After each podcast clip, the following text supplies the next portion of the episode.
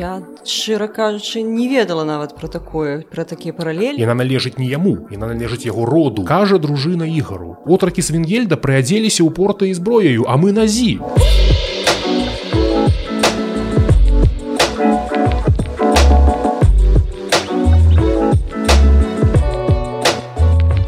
Вітаю сябра выслухайце падкаст так склалася гістарычна з вами я дзягельганна і мой гость Сергей емельянаў і сёння мы будзем размаўляць пра стварэнне беларускай дзяржаўнасці пра старажытныя беларускія княствы з чаго ўсё пачалося адкуль ёсць узялася зямля беларуская прывітанне шаноўныя сябры і по плану у нас такі плануецца курс лекцыі курсы размоваў хутчэй планую запрашаць розных людзей спецыялістаў сваёй сферы вось Сергей у нас даследчык гісторык прафесійны ён даследуе старажытныя дзяржавы княствы беларускія ну, полацкую зямлю так. полацкую зямлю ну вось раскажы чым канкрэтна ты займаешься что ты даследуеш дзвюх слова ну я даследую менавіта гісторыю полацкай зямлі недзе да пачатку ну может быть да сярэдзіны 13 стагоддзя так перадусім так асноўна такі блок. І мне цікавіць пытанні перш за ўсё менавіта палітагенезу такое страшное слово то бок як узнікала менавіта палітычная улада палітычная арганізацыя дзяржава і таксама пытанне сацыяльнай гісторыі соцыягенезу якое гэта было грамадства як яно там унутрана рэгулявалася ці не ўнутрана ну, можна по-рознаму ну вы звычайна у падручніках мы чытаем што пачынаецца гісторыя такая пісьмовая э, беларусі з узгадання полацку да? Uh -huh. это 862 год так. рахвалот uh -huh. і... не рахвалот яшчэ. Яшчэ раней. Яшчэ там за, за рахвал года так да, да, да, да. першы упамінанне 862 год рахвалот канец 10 стагоддзя да, так. да, да, да, да. гэта ўжо была дзяржава? Ну глядзі калі верыць летапісу а летапісу тут трэба верыць вельмі умоўна таму што пісалася гэта ўсё на працягу недзе сярэдзіны другой паловы 11 і пачатку 12 стагоддзя так нашмат пазней. А падзеі 862 год той самы умоўны гэта конец другая палова 9 стагоддзя. А даты даты прастаўляліся яшчэ пазней і насамрэч датаванне мы не ведаем дакладна. Это сто процент яно умоўнае канешне. Да. але чым мне падабаецца гэта вось ранняе ну так званая легенда пра запрашэнне рурыка ці запрашэнне варагаў якая под гэтым годам ідзе і менавіта ў межах гэтай легенды прыгадваецца полацк. Чым яна падабаецца? Яна вельмі добра раскрывае менавіта механізм дзяржаваўтварэння сучасныя навукоўцы калі расказваюць пра тое як узнікае дзяржава па сутнасці расказваюць тое ж самае але іншымі словамі. То бок гэты летапісец 11 ці может быть пачатку 12 стагоддзя парадаксальным чынам выклаў легенду якая роўніка па змесце кладзецца ў тое што ну кажа сучасная навука. Вось, гэта гэта... Вось давай давай на гэтым спынемся механізм наступны. У нас ёсць такое ну можа быть пашырана ў грамадстве меркаванне на падставе школьных падручнікаў што вось былі плямёны у іх былі нейкія княжэнні з іх вырастаюць дзяржавы. Дык вось не. Яшчэ знакаміты польскі гісторык генры клавмянскі гэта ну, сярэдзіна два стагоддзя ён пісаў у сваёй працы пачатку 30-х гадоў студыя на пачынкамі з палічэнстве панства літавскega гэта пра пачатак великкага княства літоўскага ён пісаў што дзяржава ўзнікае не народава-племянной аснове а на руінах родава-племянной арганізацыі і вось якраз легенда пра закліканне варагаў яна вельмі класна гэта тлумачыць. Сюжэт такі. У канцы 50-х гадоў нібыта 9 стагоддзя скандынаўскія вікінгі варагі бралі даніну з паўночных плямёнаў. Славянскіх балцкіх фінскіх ну, там розныя пералічаныя рознаэтнічныя рознамоўныя і ну і рознаплемянныя рознародавыя. Потым гэтыя плямёны паўсталі і выгналі гэтых варагаў. Пасля чаго паміж гэтымі плямёнамі пачынаецца вайна. Бо ніводзін племянны правадыр не мог стаць кіраўніком усёй вось гэтай аб'яднанай супольнасці бо любому племянному правадыру падпарадкоўваецца толькі ягонае племя. Любому родавому правадыру падпарадкоўваецца толькі ягоны род. А жылі яны ўсе альбо па суседстве альбо нават у перамежку калі маглі быць паселішчы там ці хутары прадстаўнікоў розных родаў просто пер, перамяжаліся між сабой. балцкія славянскія фінскія так яны маглі перамяжацца. Ну тут хутчэй у славянскія фінскія калі мы бярем расійскую поўнач. Дык вось закліканне князя з-за мяжы давала магчымасць прыйсці такой сіле якая была б па-над вось гэтымі родавымі спрэчкамі і мы нават бачым гэта ў тэксце гэтай легенды. Там яны кажуць паішчым самі в сабе князя іж бы валадзел намі і радзіл параду па праву што азначае радзіл параду па праву перш за ўсё гэта азначае правільнае адміністраванне і правільны самае галоўнае суд. І мы знаходзім гэта ж самае напрыклад у крыніцах больш позніх скажам у слове пра паход ігара знакамітая паэма гэта канец 12 может быть пачатак 13 стагоддзя. Там якраз пра нашага усеслава полацкага кажуць усеслаў князь людзям судзяша князем грады радзяша а сам ваноч волкам рыскаша то бок тры асноўныя функцыі князя. Гэта вайна то суд і ну, кіраванне адміністравання дзяржавай дык вось суд адміністравання павінны быць такімі каб ніхто не быў пакрыўчаны каб не было так што хтосьці скажа ага ты князь ты падыгрываеш сваім вось сваіх не павінна быць павінны быць усе перад князем роўныя. Дык вось якраз такі менавіта гэта адна з тых прычынаў чаму запрошаная за мяжы ўлады гэта было не толькі ў нас гэта было і ў многіх іншых рэгіёнах Европы. Падобныя легенды ёсць у многіх іншых рэгіёнах Европы скажем у Брытаніі.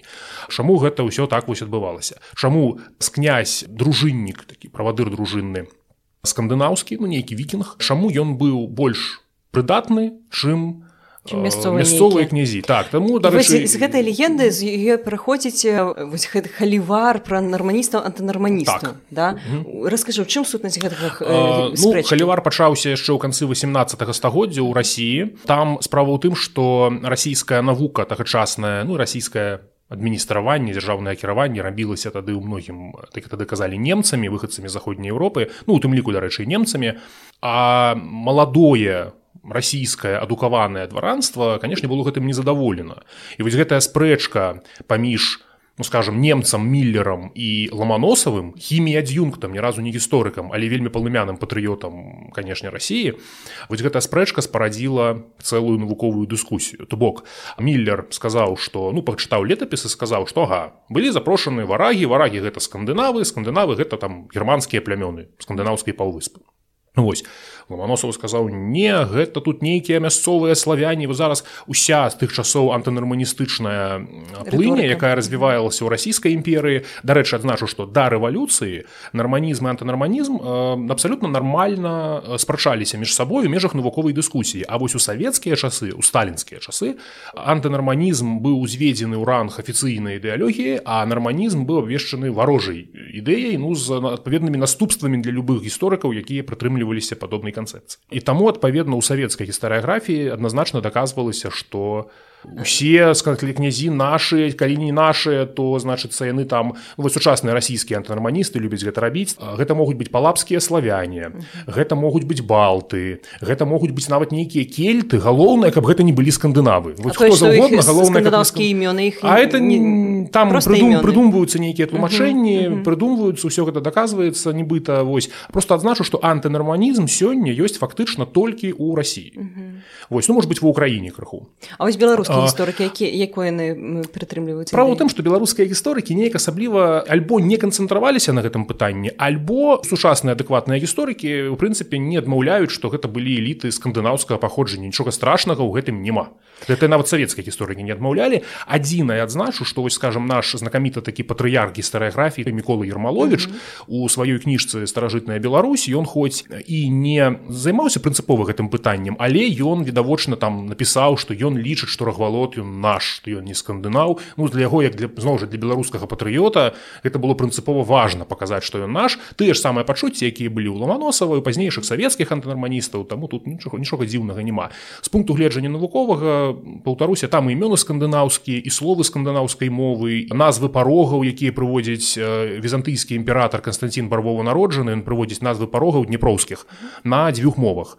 На славянскай і на рускай Дык вось калі мы глядзім назвы на славянскай мове, то яны абсалютна славянскія і яны больш затое тыя самыя, якія існавалі, пакуль існавалі гэтыя парогі. зараз іх няма іх там закрыла днепрагэсам. А назвы па-руску яны на стараскандынаўскай мове. То бок mm -hmm. для Канстанціна барвова народжанага размаўляць па-руску гэта размаўляць па-стараскандынаўску, бо само слова ну, русы, дарэчы, не русічы ніякія, а русы альбо людзі рускія ці рода рускага, вось гэта былі скандынавы канешне для яго часоў То бок можна сказаць, што антынарманісты гэта перш за ўсё такое больше ну у двухкосе патрыятычнае так, накіраванне. так такое да? нават ура патрыятычнае скіраванне. Я маю нават такі цікавы зборнік у сваёй бібліятэцы спецыяльнага калісьці купіў расійскі ант антинарманізм. Там калі чытаць артыкулы то там у адным зборніку под адной вокладкай сабраныя абсалютна розныя версіі. Паўтаруся што там і балты і, і кельты іх там там толькі няма. Добра што іншапланетнікі. І аргументы прыводзяцца кшталту гітлер быў нарманістам угу. таму ўсе нарманісты гэта прыхільнікі гітлера ну вось такого так да, абсолютно да, жалезная да, да. так Окей то бок вы запрасілі скандынаваў як нейкую сілу панад усімі гэтымі плямёнамі так. А вось што тычыцца беларусі якія тут у нас былі княствы скажем так? у нас прыгадваюцца ну перша прыгадваюцца плямёны так угу. А по-другое вось ужо для 10 стагоддзя у нас прыгадваюцца землі. Больш правильно княства так, землі? землі больш правильно что яны самі себе называлі так, яны самі себе так называлі. Слова княства князьство праз мягкі знак яно ўзнікае нашмат пазней. Гэта ўжо часы летапісання великкае княства літоўскага. І ну тут можна канешне асобную тэму просто асобную размову разгортваць чаму чаму не княства зямля яны казалі землі і гэта вельмі важна. Дык вось прыгадваюцца тыя самыя рагвалот і тур два нібыта князі ну рагвалот яго рэальнасць ніхто не адмаўляе. Скажем рурык персонаж легендарны вось рагвалот ну, рэальны. А вось на контура ёсць пытанні. То бок скажем наш беларускі гісторык які працуе ў швецыі Андрей катлярчук ён меркаваў што назва гораду тураў а там летапіс кажа што быў такі князь тур брат рагвалода ад него ж і тураўцы празвашыся то бок ад яго празваліся тураўцы так вось Андрей катлярчук меркаваў што тур хутчэй за ўсё персонаж легендарны а сама назва гораду тураў паходзіць ад імя імя бога тора ну скандынаўскага бога тора так. нават ну, угу. абсалютна празрыста відавочна так угу. з іншага боку калі браць версію што назва гораду туру паходзіць ад імя князя то зноў жа ўсплывае скандынаўскае імя тарыр чалавек прысвечаны як бы тору да, гонар да. тора названы вось і моя каляжанка маша самонова з гомлю яна у сваёй кандыдацкай дысертацыі даводзіць вельмі цікавую канцэпцыю. Яна знайшла двух нарвежскіх нарэшты цікава наколькі я памятаю дробных князёў там з адной з дробных земляў двух братоў якіх звалі рагенвальд і тарыр якія ўласна пашлі падарожнічаць на ўсход. Ну вось магчыма гэта наша рагвалот тур. Гэта адна з версіяў таксама калі так браць такія версіі хто гэта можа быць насамрэч таму што ну заўсёды застаецца верагоднасць што гэта нейкі абсалютна невядомы нам вікінг і ну, да, нічога да. не дакажам так? Звестак вельмі мала але вельмі цікавую калісьці версію выказвалі зноў жа некалькі відразу беларускіх гісторыкаў што гэта мог быць адзін з сыноў нарвежскага конунга эрыка крывавай сякера эрыка блудок альбо раганфрот альбо рагенвальд ну больш верагодна раганфрот Ну гэта імёны падобныя. Раган гэта багі калі што. А фрод гэта мудрасць раганфрод боская мудрасць рагенвальд гэта як бы ну боская ўлада можна так перакласці. Дарэчы тады вельмі лягічна чаму гэты самы раганфрод хутчэй за ўсё назваў сваю дачку рагенхільд рагнеда бо у нарвежскім княскім доме рагнеда сустракаецца ў кожным пакаленні. Ну рагенхільд сустракаецца літаральна ў кожным пакаленні. Просто вось дзяўчынкі якіх называюць арганхільд. Таму тут просто роўніка кладзецца гэта ўсё. Я шчыра кажучы не ведала нават про такое про такія паралелі. Ну гэта адна з таких абсалютна гіпатэтычных паўтаруся mm -hmm. то бок я не кажу што гэта так просто вельмі прыгожая. Ну, прыгожая але абсалютна гіпатэтычнае так. прыгожае так, супадзенне прыгожае так. Да да да. Цікава. Добра. Э, такім чынам вось у нас два цэнтры. Полацкая земля так. і тураўская земля. А як яны суадносіліся з Киевом. Прынцыпова по-рознаму справа ў тым что полацкая зямля у часы рурыка полацк быў адным з гарадоў які яго запрашаў. Ну калі мы верым гэтай легендзе. Полацк уваходзіў гэта так званы паўночны канагламерат было не, не, некалькі гарадоў так, так, якія запрашалі якія запрасілі рурыка акурат. Вось гэта тая самая зона якая калісьці выгнала варага потым запрасіла рурыка. Тураў на поўдні з турам там усё больш складана. Трэба просто разумець што пасля рурыка ну умоўнага рурыка яго спадкаемцы пераносяць цэнтр сваёй улады ў кію яны выганяюць з кіі вот ці то скандынаваў якія там сядзелі ці то можа быть хазараў вызваляюць суседнія плямёны ад падпарадкавання хазарскаму каганату. Была такая калісьці дзяржава ў паволжы і э, самі абкладаюць гэтыя плямёны данінай. Дык вось відаць недзе ў гэтыя часы полацк аддзяляецца. Чаму гэта адбылося калі гэта адбылося мы абсалютна не ведаем. Можна выказваць толькі нейкія гіпотэзы. Ну самая відавочная з іх калі ўзнікае перанос цэнтру улады ў Кіяў то па шляху з варах у грэкі полацк і ноўгарад робіцца аўтаматычна канкурэнтамі Таму што яны стаялі на розных адгалінаваннях гэтага шляху і таму адпаведна для полацкіх князёў была больш важная сувязь з кіевам напрамую а там ноўгарад ім хутчэй лепей каб ён там заняпаў. Напрыклад і наадварот для ноўгарада была больш важная ну, кажучы, гэта адна з прычынаў нападзення владимира на полацк ну зноў жа так гэта ці не так гэта абсалютна гіпатэтычна. Нам яны нічога про гэта не расказалі наўпрост. Ну, власна кажучы так? у нас не так шмат пісьмовых так, гэта гісторыі вельмі шмат вельмі мала пісьмовых крыніцаў то бок гэта повесть временных лет у нас я так часам перакладаюць як мінулых гадоў ну правільней перакласці як аповесць пра апошнія часы відаць перад канцом свету маецца на увазе таксама ёсць некаторыя скандынаўскія крыніцы і некаторыя крыніцы ну вельмі праўда слаба скажем так інфарматыўныя крыніцы скажем грэцкага візантыйскага паходжання. Вось некаторыя нямецкія крыніцы плацінамоўныя заходнееўрапейскія хронікі таксама расказваюць пра гэтыя падзеі. Так вось што тычыцца тураўскай зямлі то горад тураў ён хоць і прыгадваецца ў канцы 10 стагоддзя сувязі з гісторыяй рагвалода але фігураваць у палітыцы ён пачынае ўжо ў 11 стагоддзе некалькі тураўскіх князёў там былі даволі актыўнымі Дык вось у адрозненне ад полацка горад тураў ніколі не быў самастойным. Ён заўсёды быў часткай па сутнасці ўладанняў вось гэтых самых кіеўскіх рурыкавічоў, ён заўсёды да іх прымыкаў. вельмі часта там сядзелі сыны кіеўскага князя, часта старэйшыя сыны былі выпадкі, калі яны рабіліся потым князямі кіеўскімі. Але што б там не казаў ну знакаміты ў свой час беларускі археолог лысенко які капаў якраз тураўскую зямлю даследаваў тураўскую зямлю усяму вельмі хацелася даказаць самабытнасці самастойнасць тураўскай зямлі. Не магу з гэтым пагадзіцца. Ніякіх прычынаў меркаваць што тураўскія князі былі адасоблены ад Кіева так як полацкія якія мелі сваю дынастыю Вось просто як мінімум ну, толькі калі ў 12 стагоддзе калі ўжо нават тады, нават тады не, не, не, не. то бок тое што гэтыя землі між сабой драбяцца нейкім чынам уладанні рурыкавічоў яны ўсё роўна былі ўладаннямі рурыкавічу гэта быў адзін князькі род адна дынастыя у іх была адна ўнутраная палітыка у іх былі адны інтарэсы адна барацьба. Ну можа быць выключэннем тут з'яўляецца уладзіміра суздальскі князь Андрей багалюбскі як пісаў хтосьці з расійскіх гісторыкаў першы велікарос які выходзіць на гістарычную арэну ён вельмі дэманстратыўна зрабіў свой час ён захапіў спаліў кіяў і сышоў. Ён не стаў кіеўскім князем. Яму было нецікава ўжо быць кіеўскім князем. А так у прынцыпе вось тураў гэта абсалютна ў арбіце таго што адбываецца ўнутры ўладанняў рурыкавічаў. З іншага боку у нас у сядзела дынастыя рахвалодавічаў ці зіславічаў іх называюць по-рознаму і гэтая дынастыя была абсалютна асобнай. Яна ўспрымалася як асобная і летапіс кіеўскі 12 стагоддзя ён піша расказваючы гісторыю рагнеды ён потым там летапісец піша такую вельмі паказальную фразу а толе на бок з тых часоў а толе же меч вздымаюць рагваложы внуцы проціву ярославлем внукам то бок з тых часоў уздымаюць меч нукі рагвалода супраць унукаў ну ярослава мудрага ярослава владимировича сына владимира святого Вось полацкая земля вельмі прынцыпова гэтай пазіцыі трымалася.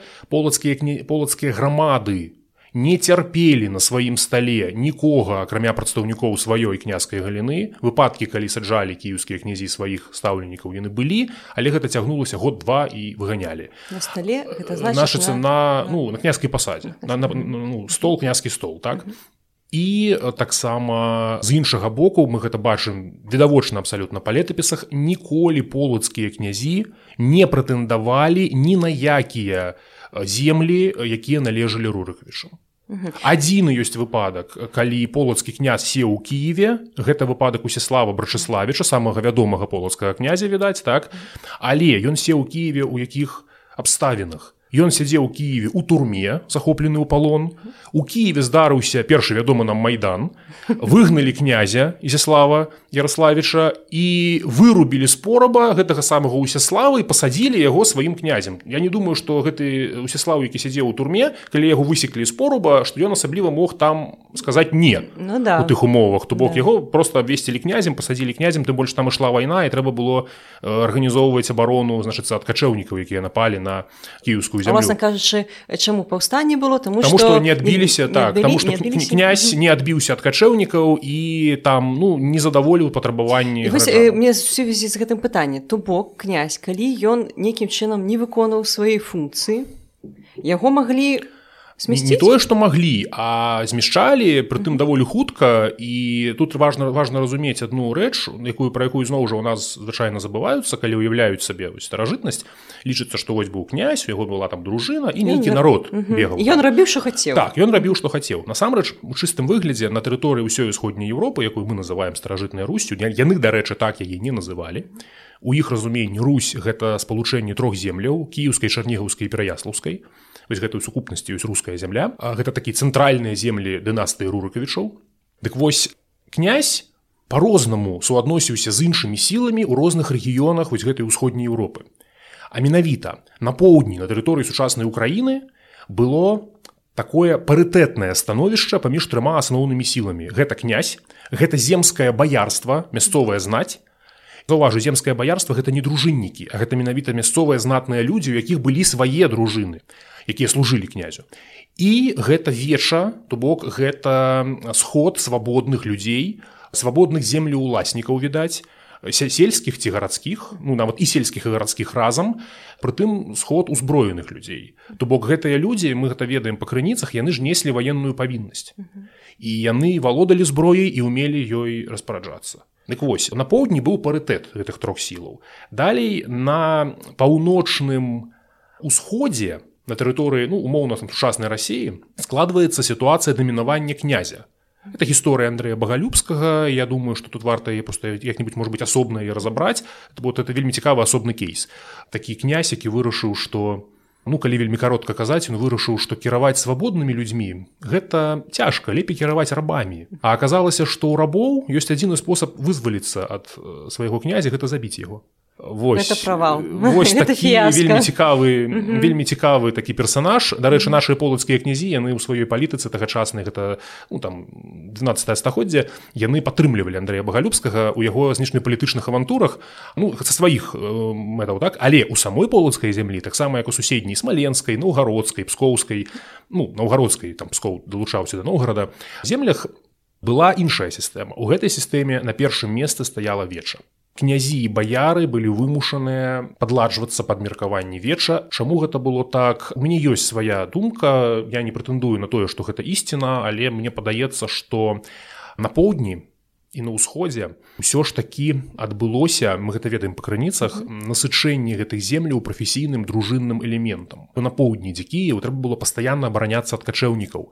І таму князі стваралі конныя дружыны. І мы зноў жа гэта ведаем там крыніцах што там штрафы збіралі якія ішлі на, на коні і оружие на людзі і коні так? Вось гэта важны момант это конная дружына конная дружына гэта па сутнасці тараннае коннае рыцарства якое на поле бою просто таранным капійным ударам любую пехоту размеце любую пехоту за рэдкім рэдкім выключэннем там до 15 стагоддзя дамінавалі конныя рыцары на поле бою і калі мы уявім комплект узбраення там стражытна-рускага дружынніка археалагічна які мы бачым то ён мала адрозніваецца насамрэч ад комплекту там скажем нормандскага рыцара 11 стагоддзя які лёгка разбіў з англосаксонскіх ваяроў на поле біты под гасцінгсом пехоту англосаксонскую Аднак пры гэтым вось там дарэчы чаму ўзрастае роля князя і баярства. А вось на поўначы дзе качэўнікі не шасталі і дзе ад іх хуткімі коннымі атрадамі не трэба было абараняцца Тут захоўвалася старая, вельмі архаічная мадэль, якую мы бачым, дарэчы, і ў Скандынавіі, асабліва ў Нарвегіі, як вось адной з самых такіх далёкіх і архаічных частак скандынаўскай паўвыспы знакаміты савецкі медыявіст, скандынавіст Арон Гурэвіч, ён пісаў пра тое, што Нарвегія ёсць прыкладам архаікі і вось у адной са сваіх кніжак у заключэнні. Ён так вельмі акуратна пісаў, што ён лічыць, што ў старажытнай Русі было вельмі падобна. Вось mm -hmm. там дзе было падобна там было якраз гэта наш полац гэта Ноўгарад гэта пскоў гэта смаленск. Што было падобна? У аснове грамадства ляжыць свабодны фермер mm -hmm. дробны землеўладальнік. mm -hmm. небагаты. Але ў яго свае свой хутар свая гаспадарка. Ён поўны гаспадар у сваёй сядзібе. І гэтая сядзіба ахоўваецца вельмі добра законам. Мы нават гэта бачым па ну, на законах наших рэгіёнаў. Фрагментарна але бачым. У скандынаві добра бачым вельмі Ён акрамя таго, што яго ёсць права і, і абавязак валодаць зямлёй, дарэчы, гэта адначасовы права і абавязак. Ён не можа яе прадаць. Яна належыць не яму, яна належыць яго роду. Усім, хто памёр і усім, хто яшчэ не нарадзіўся, гэта як бы не яго, это ўсяго рода. то бок роду не ў сэнсе што родзічам яго і а... тым ліку ягоным родзічам дарэчы таксама у скандынавіі мы гэта бачым што калі чалавек хоча прадаць сваю зямлю свой одаль ён павінен спачатку прапанаваць яго ўсім сваім родзічам А калі ўжо ўсе родзічы адмовяцца толькі тады ён мае права прадаць яго кудысьці на бок не родзічу. Таксама гэта дарэчы ахоўвалася гэта права вялікага гарызантальнага роду так? Але вось і вертыкальны род таксама одаль гэта як бы тое што належыць ну ці вотчына это тое што належыць і продкам і нашчадкам. І за гэта права абавязак чалавек нёс яшчэ два такія ж правы абавязкі. Гэта права абавязак военной службы калі вайна ты павінен удзельнічаць у абароне калектыўнай і гэта права абавязак палітычнага ўдзелу удзелу ў народным сходзе Дарэчы, заўважу, гэта пра гэта мала хто кажа, але мне падаецца, што гэта вельмі важна. Вось звярні калі ласка ўвагу на асноўныя характарыстыкі пазнейшай шляхты. Хто такі шляхціш?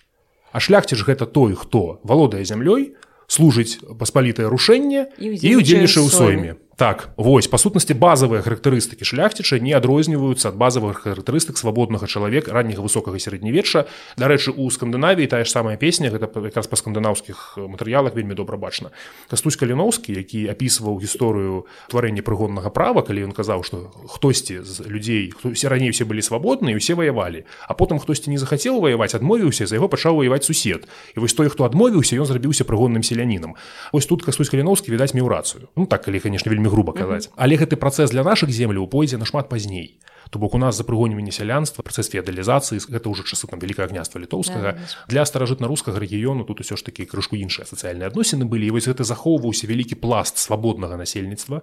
Гараджане і сяляне між сабой яшчэ не раздзяляліся у сацыяльным плане то бок это просто людзі палачане мужы палачане альбо людзі як тады казалі так абагулена. І вось яны узброеныя разам з сынамі з узброенымі рабамі можна сабе гэта ўявіць прыходзілі на веча канешне яны былі не ўсе роўныя на практыцы мы гэта добра бачым па новгарадзе было чалавек 20-30 самых э, таких ну, радавітых знатных багатых якія за сабой вялі свае ну, палітычныя партыі.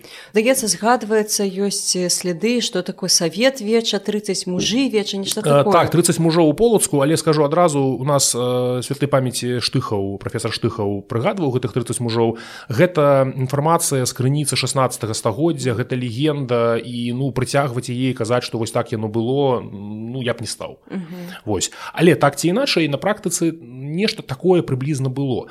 Гэта сістэма калі казаць вельмі абагулена то тое як была арганізавана старажытная Русь моцна нагадвае антычнасць. У якім сэнсе? Вось сама па сабе руская арганізацыя гэта сістэма арганізацыі полісаў антычнай Грэцыі. Культура адна а палітычная структуры розныя дзяржавы розныя афіны асобна спарта асобна карынфа асобна і так, далей. падобна. Вось тут тое ж самае толькі што адзінае што у большасці гэтых полісаў сядзелі прадстаўнікі адной княскай дынастыі. Такая паправачка. А так па сутнасці усе землі былі асобнымі. Што магло рабіць веча? Калі браць структуру арганізацыі веча то гэта рымскія кліентэлы. Калі ёсць знатны чалавек ну ці багаты чалавек да якога прымыкаюць больш яго бедныя суседзі яны ўтвараюць яго такую протапартыю палітычную. І відаць яны ўсе збіраліся а рэальна там з князем размаўлялі толькі там 20-30 гэтых самых як у новгороде казалі золотых паясоў. Ну астатнія э, маральную падтрымку аказвалі. Маральна-фізічную бо яны прыходзілі не з пустымі руками у іх у руках была зброя.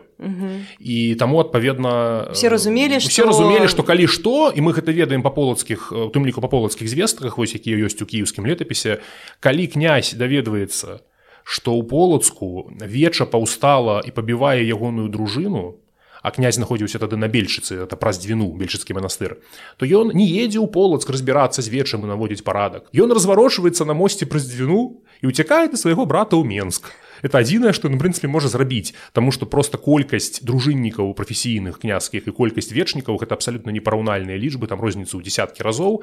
Пры умове бою сценка на стенку шчыльнымі шахтамі пехотнага бою без варыянтаў гарадскога бою. Мабыць у полі у у Киеве напрыклад конная войска конная вялікая вялікая колькасць конных дружыннікаў канешне пехоту празагнала але тут не. Наконт таго ці умелі гэтыя людзі ваяваць я звычайна там сваім студэнтам вучням прыводжу прыводзіў такі прыклад ну каб вы разумелі сяляне у нас ну, в Европе перыядычна хадзілі на мядзведзя з рагацінай Як вы думаете чалавек які можа зімой падняць медведя з бярлогі і стаць насупраць яго з кап'ём і па сутнасці пайсці на яго з гэтым кап'ём каб той медведь на кап'ё напароўся наколькі ён смелы? І як казаў савецкі яшчэ ну расійскі такі гісторык фраянаў вельмі спрэчны але тут вельмі цікава яго ёсць фраза што узброены чалавек гэта дрэнны аб'ект для эксплуатацыі. Старажытна рускі чалавек свабодны чалавек быў узброены. Ён быў вельмі дрэнным аб'ектам для эксплуатацыі таму адпаведна гэта не тое безаблічнае насельніцтва нейкая маса людзей якая просто там падпарадкоўвалася волі князя. Наконт таго што маглі рабіць маглі б мабыць вырашаць нейкія самыя агульныя самыя важныя пытанні. Яны прымалі князя на стол яны відаць заключалі з ім нейкую дамову. Рад, рад. Ну, так званы рад так. Ну гэта зноў жа адна з версіяў што значит это слово яны збіраліся ж не толькі для таго каб вырашыць нейкія пытанні разумееш? Гэта збор такі дзе заключаліся шлюбныя дамовы гандлёвыя пагадненні нейкія рашэнні там магчым там куплі продажы зямлі калі гэта ўжо стала можна. Ну, вось просто сітуацыя калі у вялікая маса людзей якія разам не жывуць пастаянна яны могуць сабрацца павырашаць нейкія свае то бок гэта маглі быць не толькі дзяржаўнае пытанне але асабістае асабліва гэта ў скандынавіі дзе там хутары вельмі разнесеныя па рэгіёну і таму для іх збор на рэгулярным тынгу народным сходзе mm -hmm. быў просто фактычна адзінай магчымасцю вырашыць вось такія грамадскія пытанні. Прытым вельмі важны аспект што калі нават судовыя спрэчкі там вырашаліся там же князь быў ён жа мог суд вяршыць так? Гэта рабілася ўсё на відавоку ўсяго народнага сходу. Гэта азначае што было шмат сведкаў якія потым маглі пацвердзіць што скажем было прынята такое рашэнне не іншае. І гэтак далее так далее так далее то бок у нас веча было рэгулярным? Мы не ведаем. Мы не ведаем. Яно мне падаецца што наколькі прынамсі ёсць ну ёсць манаграфія на гэты конт нагоды следчыка. І веча хутчэй за ўсё было іррэгулярным то магло мож, можа быць яно магло і рэгулярным. Але сабраць іррэгулярнае веча ось калі штосьці раптам здараецца то без праблемаў. Ось сучасныя даследаванні паказваюць што слова ўжывання у летапісах такіх тэрмінаў як веча савет калісьці ў савецкія часы меркавалі што было веча асобна савет асобна. Не это сінонімы бок савет пры князю не не не. Было веча гэта яно ж савет.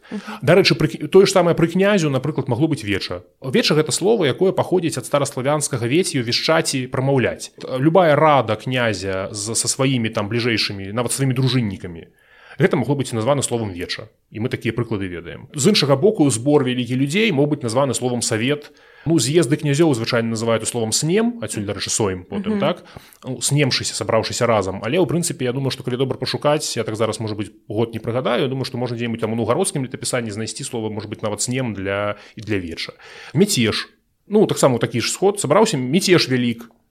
І вырашылі нешта. Князя напрыклад выгналі. Ну, абсалютна сінанімічныя паняцці якія нават у пэўным сэнсе адвольна ўжываюць гуляюць просто по па тэкстах таксама дарэчы як у скандынаўскіх тэкстах вельмі адвольна ўжываюцца паняцці фюлькі ланд земля так? У наших гэта да пазначэння дзяржавы то бок рікі як это як бы ад князя княжэнне ці княства фюлькі гэта ад слова народ тэрыторыя дзе жыве нейкае племя і ланд гэта земля так вось у наших тэкстах наадварот. У нас вельмі розныя назвы для вось гэтых народных сходаў але між іншым для палітычнай арганізацыі толькі одно слово земля А веча у нас было ў полацку у смаленску было веча у тураве было веча веча было ў любым горадзе. Что такое горад? Город гэта, князь, альбо город гэта цэнтр зямлі. Вось калі ёсць нейкая палітычная адзінка под назвай зямля то там будзе веча у горадзе. Але акрамя гораду у э, складзе зямлі былі яшчэ гарады другараднага значэння так званыя прыгарады. Мы сёння называем прыгарадам там бліжэйшае наваколле гораду так яны называлі прыгарадам гарады другараднага значэння. Напрыклад у полацкай зямлі горадам быў полацк. Аменск зяслаўе ну ізяслаўль друцк лагой склагожа сквіцебск гэта ўсё былі прыгарады. І як паведамляе нам летапіс што ў горадзе рашаць на тым прыгарады стануць. З іншага боку якраз па полацкіх звестках мы маем інфармацыю пра тое што на вечы ў горадзе відаць прысутнічалі прадстаўнікі прыгарадаў. Яны маглі як бы даносіць калектыўнае меркаванне прыгараду ну гэта лагічна і з іншага боку яны ж потым у прыгарад відаць даносілі Э, рашэнне веча так? Я пра што кажу калі у сярэдзіне 12 стагоддзя у полацку змагаліся дзве галіны нашчадка усіслава за ўладу то аднаго з прадстаўнікоў друцкіх э, рагвалодавічоў ці барысавічоў яго прымалі на стол. Яму насустрач выйшла вялікая колькасць мужоў дручанаў і палачанаў з полацку. То бок у полацку былі нейкія дручане з яго роднага друцку якія выйшлі яго сустракаць калі ён ехаў у полацк. Відаць што былі нейкія прадстаўнікі кантакты відаць жа былі гандаль быў гэтак далей то бок знайсці там нейкіх прадстаўнікоў зямлі я думаю што не было праблемна. Хаця канешне зразумела у полацку калі збіраецца веча яўна што там з менску туды не даедуць. Там і сёння ехаць нейці тры з паловай гадзіны па сучаснай трасе уявіць сабе для тых часоў. Ну Да. А вось ты сказаў, што полацкі князь ён жыў нават не ў полацку. Гэта, гэта так было звычайная гісторыя мы не ведаем. Нашы гісторыкі лічаць што так яно было што бельшыцкі манастыр быў княскай рэзідэнцыі я скажу шчыра паклаўшы руку на сэрца я не ведаю. У нас ёсць адзіная звестка пра тое што князь жыў на бельчыцы Чаму ён там жыў? Можа ён просто паехаў туды памаліцца што князь у пэўнай палітычнай сітуацыі ён тады быў на бельчыцы. Гэта абсалютна не кажа пра тое што ён быў там пастаянна. Не ведаю можа быць. Можа не быць. да.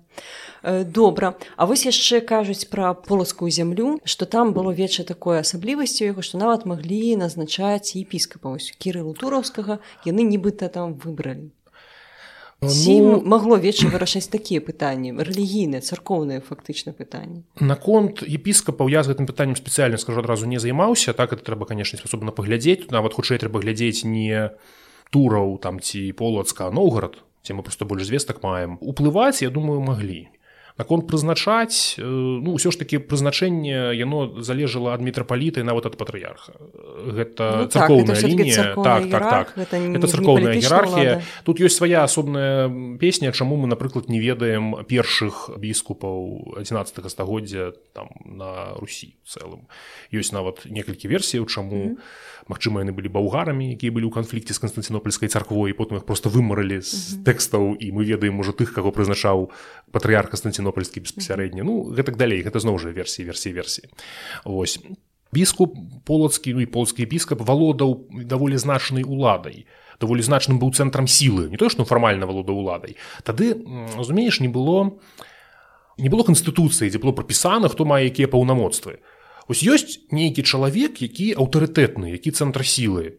І вось ён мае паўнамоцтвы. Настолькі, наколькі хапае ягонага аўтарытэту. Здольнасцяў здольнасцяў якасцяў так. І мы бачым у 13 стагоддзе, напрыклад, наго з такіх полацкіх епіскапаў, які мог ну так досыць дзёрзка размаўляць з князем Праўда потым для яго гэта не вельмі ўдала выйшла Ну але так ці іначай лічыў патрэбным так размаўляць з князем мы гэта бачым такіх жа прадстаўнікоў царквы у кіеўскай зямлі тут у многім яшчэ важна адзначыць што ўсё ж такі царкоўнікі былі як бы прадстаўнікі асобнай іерархіі асобнай плыні. Яны як бы не зусім падпарадкоўваліся князю.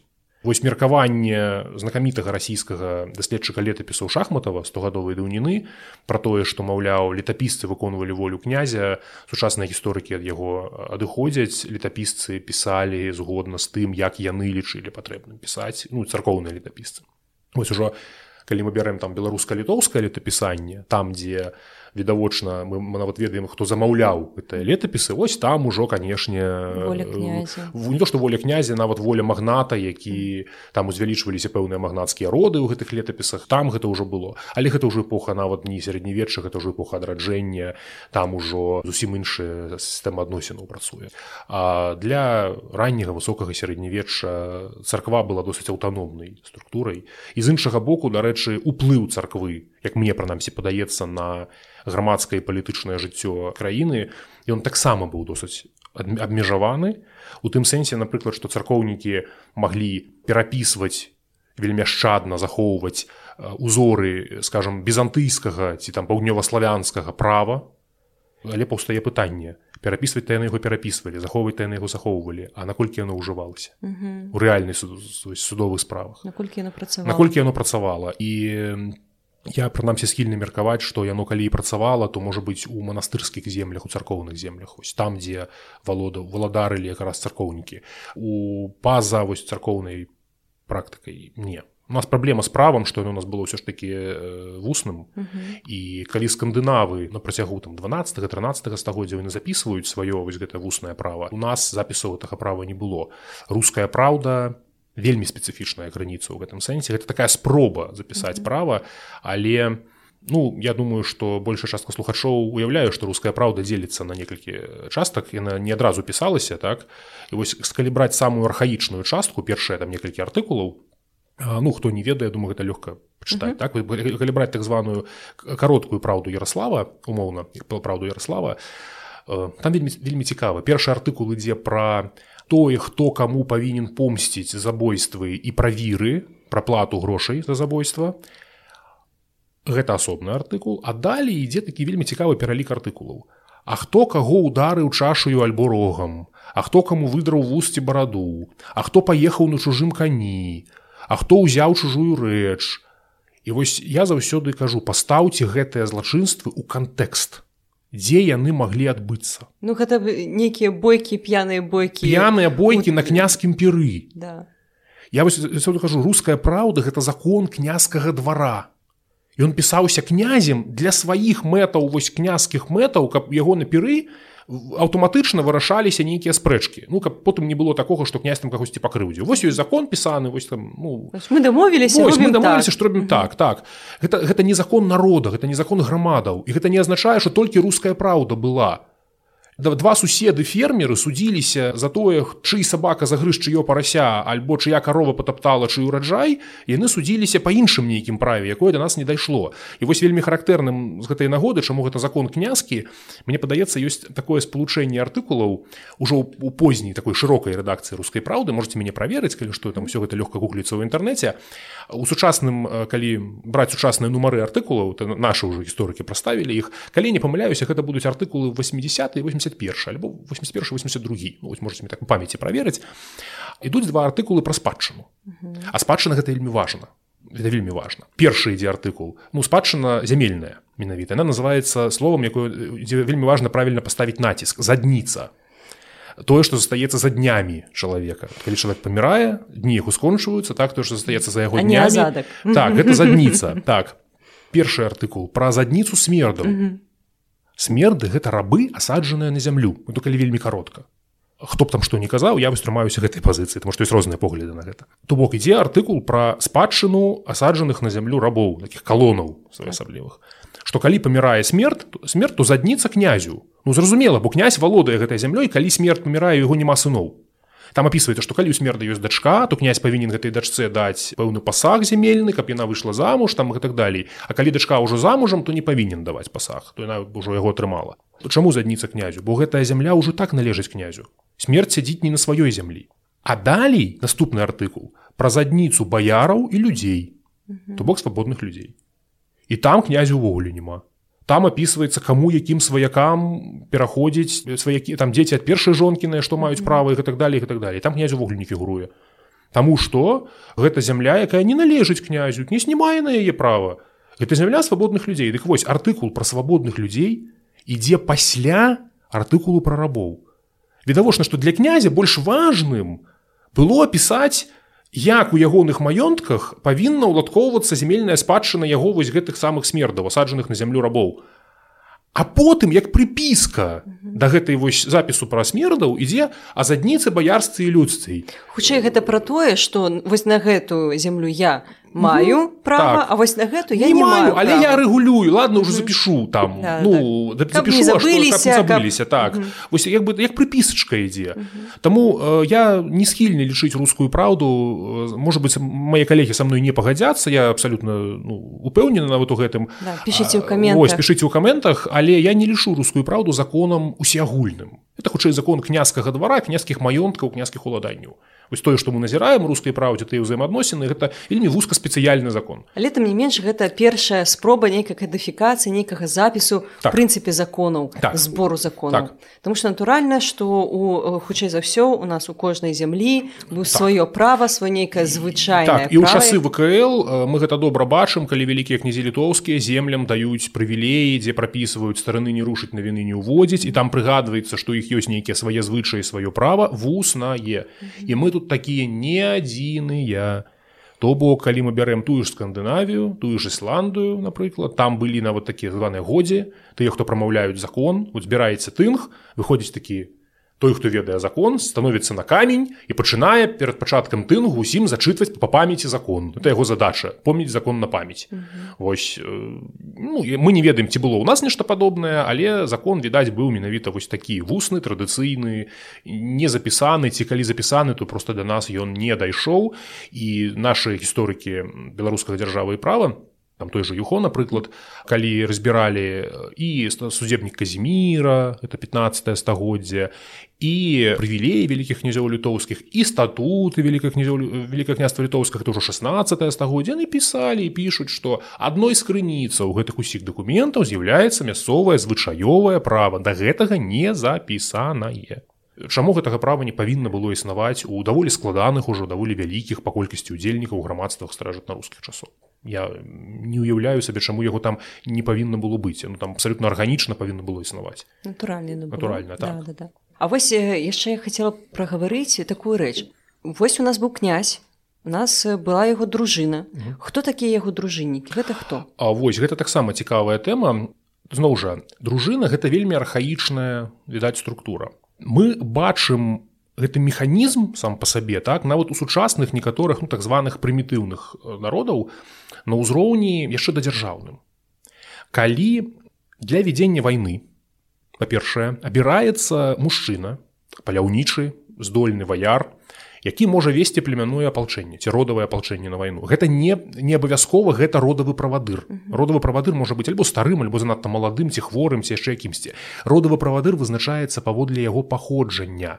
Это старэйшы мужчына старэйшага роду нашага племені. Это можа быть любы чалавек. Ну любы па, па, па фізічных здольнасцях. А вось князь гэта военны правадыр такі варчыф так? Варлорд вось ён павінен быць таким ну такі круты мэн добры са зброяй смелы які асаб... уявіце сабе што ён асабіста ішоў бой для наших еўрапейскіх уладароў гэта было абавязкам нават каралёў ужо там вельмі познія часы першых калі... радах пер... то што нават у першых радах нават калі яны ўжо не хадзілі ў першых радах той же ягайла под грунвальдам ён там аднаго ці двух рыцараў нямецкіх з каня збіў прынцыпова гэта было важна каб хаця б сімвалічна кароль э, паўдзельнічаў у баі. А для ранняга сярэднявечча ну самы такі прыгожы мой любімы прыклад калі быў забіты драўлянамі князь ігр то яго сын э, стаў князем а сыну яго было вельмі мала гадоў. Сына яго звалі святаслав калі што. Так вось жонка ігра ольга як казала калісьці рэкляма с агнём і мечом пашла на древлян так? яна взяла с сабой святаслава яна калі войскі сустрэліся пашахтаваліся да бою то святаслава на кані вывелі не сам не мог яшчэ выехаць яго вывелі перад э, шэрагамі кіеўскіх дружыннікаў. Ён кінуў у бок ворага суліцу і там летапіс кажа што ён быў дзецка ну малы яшчэ зусім дзіцё суліца гэтае кап'ё метальнае такое лёгкае яно праляцела паміж вушамі каня і упала на зямлю адразу ж вы просто просто ляснулася тут же под нагамі каня ў зямлю пасля чаго два старэйшыя дружыннікі сказалі асмунд і свенгельт гэта скандынаўскія дружыннікі вікінгены сказалі князь ужо пачаў працягнем дружына за князем а і яны весела ідуць у бой. Хаця б сімвалічна князь да. павінен быў вось пачаць бой. А вось. А, дык вось гэта быў такі першапачаткова такім ну гэта ўжо часы калі князь ужо мог быць. Святаслав робіцца князем тому што яго бацька быў князь гэта ўжо іншае. А ў раннія часы князь абіраўся яго сын не абавязкова мог стаць князем.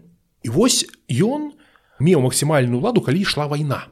Калі мір ён просто звычайны чалавек і канешне князі хацелі каб пастаянна былі войны это іх цікавіла і другі момант калі вайны не было князю таксама не вельмі хацелася займацца сельскай гаспадаркай напрыклад ён паступова аддаляўся ад грамады ён гуртаваў вакол сябе маладых хлапцоў якія яшчэ не аддзяліліся ад сваіх бацькоў не панеселі на асобныя гаспадаркі і не сталі паўнавартаснымі ну, мужамі. Это былі отракі. А хто такія отракі? Нават славянскае слово отрак вельмі цікава гэта паказвае. От гэта прыстаўка якая азначае адмену не. А рок слова корань лёгка расшыфроўваецца слова э, стараславянскай аркаці старажытна-рускай аркаці то бок размаўляць той хто не мае права размаўляць. Дзе? На вечы на народным сходзе. Той хто яшчэ не аддзяліўся ад бацькі але ўжо можа трымаць у руках зброю. І вось гэтыя маладыя хлапцы ну, так сёння афрыканскія плямёны там масаю напрыклад робяць. У іх ёсць 5 6 7 гадоў ад падлеткавых часоў да такіх ранне юначых калі яны могуць прадэманстраваць усяму племені усяму роду сваю удаль маладзецкую здольнасць скрасці у суседзяў шмат кароваў каб потым усе дзеўкі мясцовыя захацелі выйсці замуж за гэтага хлопца каб падзяліцца і ну, завесці сваю асобную сям'ю. І вось маладыя хлапцы збіраюцца вакол гэтага правадыра князя военнага правадыра і разам з ім ходзяць на паляванне п'юць піва. Як вось апісвае тацыт рымскі гісторык апісвае германцаў што яны не займаюцца сельскай гаспадаркай а толькі палююць п'юць піва і ваююць насамрэч канешне напісвае не ўсіх германцаў толькі тых якіх ён бачыў. Наёмнікаў якія прыходзілі служыць у рымскую імперыю альбо наадварот нападалі на рымскую імперыю то бок германскіх ваяроў. Вось гэта ёсць так званы мужчынскі саюз. Такая інстытуцыя старажытнага грамадства як мужчынскі саюз. Гэты самы мужчынскі саюз добра вядомы этнолегам ён ёсць правобраз дружыны з яго вырастае дружына. Калі ж мы кажам пра ўжо часы дзяржаўныя тут усё крышку больш складана. Тут ёсць князь у князя ёсць свая персанальная дружына. Галаўная дружына якая для якой ён з'яўляецца бацькам правадыром. Мы нават бачым прынамсі па брытанскіх англосаксонскіх крыніцах ёсць такая знакамітая паэма бітва под мелдунам калі цікава недавно перакладзена была на беларускую мову іграм куліковым. Ёсць такі зборнік стараскандынаўскай паэзіі быў выдадзены вось можете там пачытаць.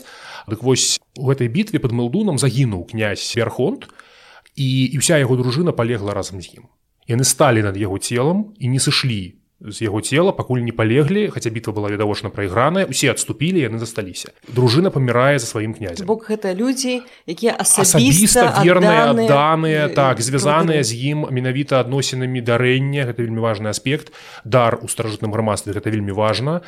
Недарам князёў называюць падаўцы пярсцёнкаў той хто дорыць сам золата срэбра і так далей гэта у скандынаўскіх тэкстах ёсць у англійскіх тэкстах ёсць это такія назгулы. Вось калі прыгадваць толкіна князь адорвае іх золотам срэбрам півам зброяй вопраткай усім што яны маюць коньмі якія на якіх яны ездзяць. Ён усім іх адорвае за гэта яны абавязаным жыццём. Яны служаць яму вечна да смерці. Вось гэта яго асабістая гвардыя. Яна невялічкая. Зноў жа па наших крыніцах мы не ведаем колькасць вось у скандынаўскіх крыніцах ёсць колькасць там ну недзе каля 120 чалавек Я думаю, нас было тое ж самае прыблізна. Але акрамя княскай дружыны ну вы все зразумелі, што у зямлі ёсць яшчэ апалчэнне гэтых самых свабодных людзей. Але акрамя ўсяго гэтага ёсць яшчэ знатныя людзі, баяры, якія таксама могуць прыводзіць свае невялічкія атрады. Ёсць наёмнікі, тыя ж самыя вікінгі, якія могуць таксама прыходзіць наймацца на службу са сваімі атрадамі. Дык вось калі ў нашай школьныя гады мы вучыліся па падручніку таго ж самага штыхава там такая карцінка была што вось ёсць князь ему падпарадкоўваецца старэйшая дружына а старэйшая дружыне падпарадкоўваецца малодшая отракі і дзецкія. Дык вось насамрэч карцінку трэба маляваць не так. Зараз у сучасным падручніку яе ўжо няма але калі яе маляваць то е маляваць трэба не так. Трэба маляваць князя і да яго прымыкае яго дружына малодшая ад князя ідуць асобныя стрэлачкі іх можа быць многа. Да асобных баяраў за якімі за кожным з якіх стаіць яго асобная дружына болей за тое. Я ўжо прыгадваў князя ігора кіеўскага. Як ён загінуў яго там забілі драўляне А чаму ён пашоў паход на драўляну? Летапісцоўнага цудоўна гэта расказвае што кажа дружына ігару отракі свінгельда прыадзеліся ў порта і зброяю а мы назі пайдзі княжа з намі заданню ты да будзеш і мы да. Вось то бок можа магло быць так што персанальныя дружыннікі якога-нибудь баярына альбо наёмніка на службе князя маглі выклікаць зайздрасць у дружынніку самога князя. Дружыннікі князя павінны быць самыя самыя самыя там самыя лепшай зброяй самымі лепшымі коньмі гэтак далей і таму вось такія выпадкі таксама маглі здарацца Таму сістэма такая павуцінка mm -hmm. себе такую павуцінку разгалінаваную так дзе ёсць князь са сваёй дружынай а яму на умовах пэўных дамоваў падпарадкоўваюцца і баяры яго зямлі і наёмнікі вось наёмныя дружыны тут варта зразумець што дружына гэта такая баявая адзінка аналаг сучаснага ўзводу альбо роты. А вось ужо асобная рота яна служыла як адзінка ўжо там больш высокім уладам. Тое ж самае дарэчы было і ў пазнейшыя часы. Быў напрыклад ротмістр які збіраў сваю роту гусарскую там напрыклад ці казацкую ці яшчэ якую і ён служыў каралю там ці гетману бо трымаў калісьці мандат на збор вось гэтай роты. Так князь дружына гэта асабіста адданыя яму людзі. А якім чынам яшчэ князь кіраваў дзяржавай? У нас ёсць такі пасаднік тысяцкі сівун і Ну так мы ведаем назвы мы, мы назвы мы ведаем назвы некалькіх э, службовых асобаў ёсць вялікія пытанні хто яны. Таксама дарэчы ёсць вялікія пытанні пра катэгорыі дружыннікаў. Мы ведаем некалькі катэгорыяў дружыннікаў. Я вельмі пасцярогся увогуле расстаўляць нейкія акцэнты тут. То бок была калісьці ў расійскай гістарыяграфіі такая юрыдычная школа да якой належаў напрыклад наш знакаміты гісторык тэрфан донар запольскі беларускі гісторык. Эта школа была моцная ў санкт-петербурзе і у кіеве. Донар запольскі акурат з кіева ну беларус але вучыўся ў кіеве працаваў кіеве дык вось юрыдычная школа імкнулася ўсё гэта старажытнае права зразумець літаральна і просто распісаць прыгожую схемку вось як хто, хто за што адказваў. так, так так так так. Хутчэй за ўсё што тут яны памыляліся. Настолькі літаральна там не было. Наконт назвы ў гэтых пасадаў ну назвы яны фіксуюцца А вось хто яны адкуль яны як яны выбіраліся. Пасаднік відавочна нават сама назва. Пасаднік указвае на гарадскі пасад. І пасаднікі так выбіраліся відаць народам так? Тысяцкі ну прынята лічыць што тысяча гэта апалчэнне гэта нешта кшталту будучага харунжага павятовага можа быць вось, ну, ну, так, тэрміны... звычайна у падручніках што тысячкі так. той хто кіраваў так. гарадскім апалчэннем кіраваў а ў мірныя часы адміністратыўныя ну вось. а, далей цівуны ну мы ведаем што цівун неправду судзіць цівун гэта відаць нейкі князькі намеснік Дарэчы мы маем матчым прыклады калі князь раз полацкай зямлі калі князь мог дасылаць сваіх отракаў для вырашэння пэўных праблемных пытанняў. Таксама князь мог нейкім знатным людзям ці іншым князям ці баярам ну залежнасць ад таго наколькі гэта разгалінаваная структура даваць у кіраванне пэўныя тэрыторыі на карм ну так званае кармленне. Зразумееце такую рэч это вельмі важна для эпохі сярэднявечча гэта эпоха калі было вельмі мала грошай і таму адпаведна збор падаткаў ён жа быў натуральным прадуктам так? А натуральны прадукт мае як мінімум такую асаблівасць як псавацца. І немагчыма было цэнтралізавана сабраць у сталіцу ў горад увесь прадукт а потым за гэты прадукт утрымліваць войска. Як бы зараз мы бюджэту там пералічваем безнаяўна безнаяўныя рахункі зарплату так?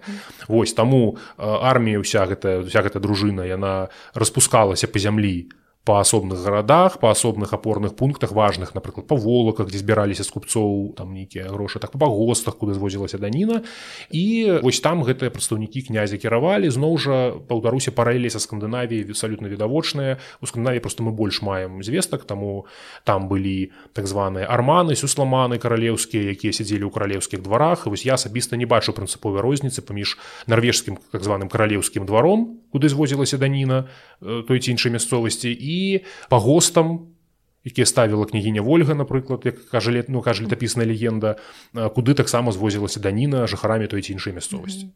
Даць это одна і тая структура. То бок можна сказаць што на той момант на той час вось не было таких жорсткіх структур адміністратыўных былі нейкія людзі і функцыі якіх маглі прынцыпе змяняцца ў залежнасці ад абставіну і ад асабістых якасцяў так я я меркую прынамсі што так. То бок я зноў жа думаю што не ўсе са мной пагадзяцца я допускаю што тут павінны быць могуць быць спрэчкі але я меркую што так. Для такіх архаічных грамадстваў ну не было там настолькі жорстка замацаваных функцый прапісаных у нейкім пісаным праве і гэтак далей так мы такіх функцыяў не знаходзім Боже ты мой і ў рэальным справаводстве там эпохі вялікае княства літоўскай рэчы паспалітай так это 16 17 18 стагоддзя што казаць пра там 11 ці 12 Дзякуй за размову. Наступны раз мы паговорым пра больш правовую сістэму пра тое як так атрымалася чым рэгулявалася вся гэта гісторыя. І дзякую усім за ўвагу. Подписывайте калі ласка на наш нстаграм так склалася гістарычна і калі ёсць пытанні а яны павінны быць пішыце каменты пішыце рэакцыі будзем вам вельмі удзячныя да. побачэння дзякую за запрашэнне да побачэння